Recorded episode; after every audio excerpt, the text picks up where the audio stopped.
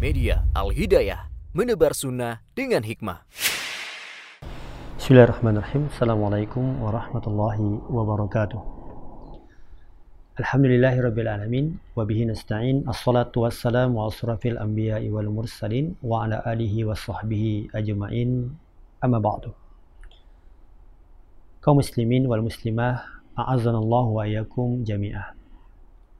Kita sadari dalam kehidupan kita tidak lepas dari dua hal.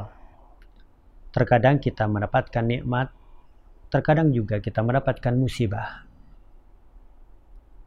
Nikmat ketika datang kepada kita itu merupakan suatu ujian. Oleh karenanya kita dituntun untuk mengucapkan Alhamdulillahilladzi tatimmus salihat. Segala puji hanya milik Allah yang telah menyempurnakan kebaikan ini.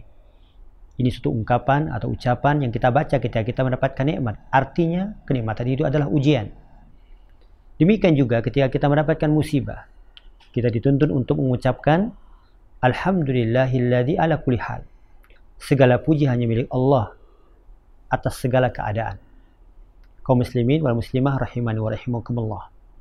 Berangkat dari sini, selagi kita masih ada di dunia, selagi kita menapakkan kaki kita di atas tanah ini.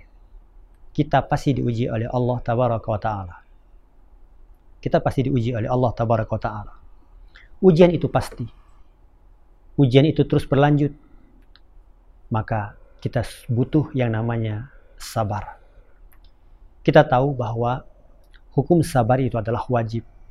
Allah tabaraka wa taala memerintahkan kepada kita untuk bersabar dari setiap ujian Allah berfirman, Ya ayuhalladzina amanu sabiru wasabiru warabitu.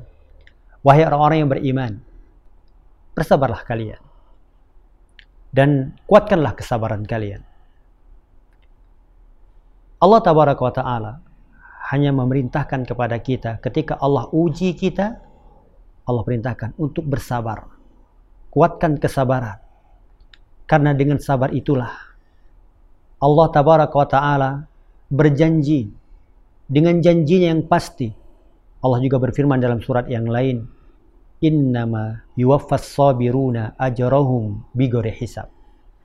Hanyalah Allah tabaraka wa taala akan menunaikan pahala-pahala orang-orang yang bersabar tanpa batas.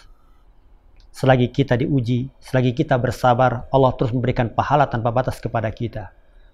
Oleh karenanya, mari kita belajar untuk bersabar karena tidak ada wasiat yang terbaik untuk menggapai manusia-manusia yang mulia di sisi Allah melainkan wasiat untuk terus bersabar dan terus bersabar. Kemudian para ulama memberikan definisi sabar itu adalah hafsun nafsi, menahan jiwa, menahan diri.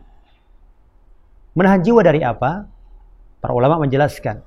Yang pertama, hafsun nafsi ala taatillah menahan diri, menahan jiwa untuk senantiasa mengerjakan ketaatan-ketaatan kepada Allah. Karena kita tahu, kita diciptakan oleh Allah tabaraka taala untuk beribadah kepadanya, untuk mengamalkan semua perintah-perintahnya, untuk mengamalkan semua kewajiban-kewajiban yang Allah perintahkan kepada kita. Intinya kita hidup untuk mentaati Allah tabaraka taala. Maka di dalam ketaatan kepada Allah kita harus melaksanakan Memang berat. Memang sulit karena dia bertentangan dengan hawa nafsu kita. Memang berat, memang sulit karena dia bertentangan dengan keinginan syaitan. Tapi kita dituntut untuk bersabar. Bersabar. Allah katakan tadi, wahai orang-orang yang beriman, isbiru wasabiru. Bersabarlah dan teruslah bersabar. Kemudian yang kedua, bersabar dari apa?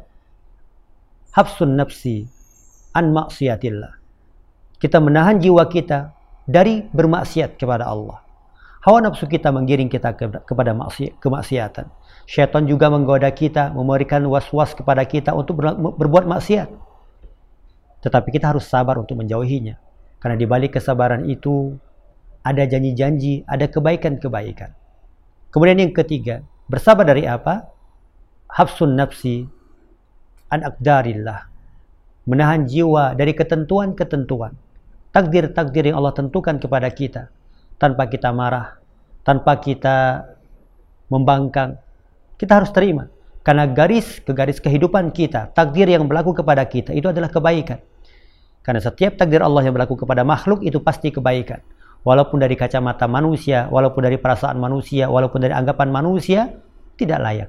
Tidak baik. Tapi sejatinya ketika Allah telah menakdirkan berlakunya kehidupan manusia kepada kehidupannya, itu pasti baik. Karena Allah tabarak wa ta'ala tidak akan pernah mendolimi hambanya. Makanya kita harus bersabar menghadapi takdir-takdir Allah tabarak wa ta'ala. Karena kesabaran itu tidak ada ujungnya. Kesabaran itu apabila kita lahut bagaikan lautan yang tidak bertepi. Oleh karenanya belajarlah kita untuk bersabar. Karena Allah tabarak wa ta'ala di antara hal-hal yang tidak akan pernah merugi adalah ilal ladzina amanu wa amilus solihat wa tawassabil haq wa tawassabil sabar. Orang-orang yang senantiasa berwasiat di dalam kesabaran dan kesabaran. Karena sabar anggapan orang ada batasnya, itu salah.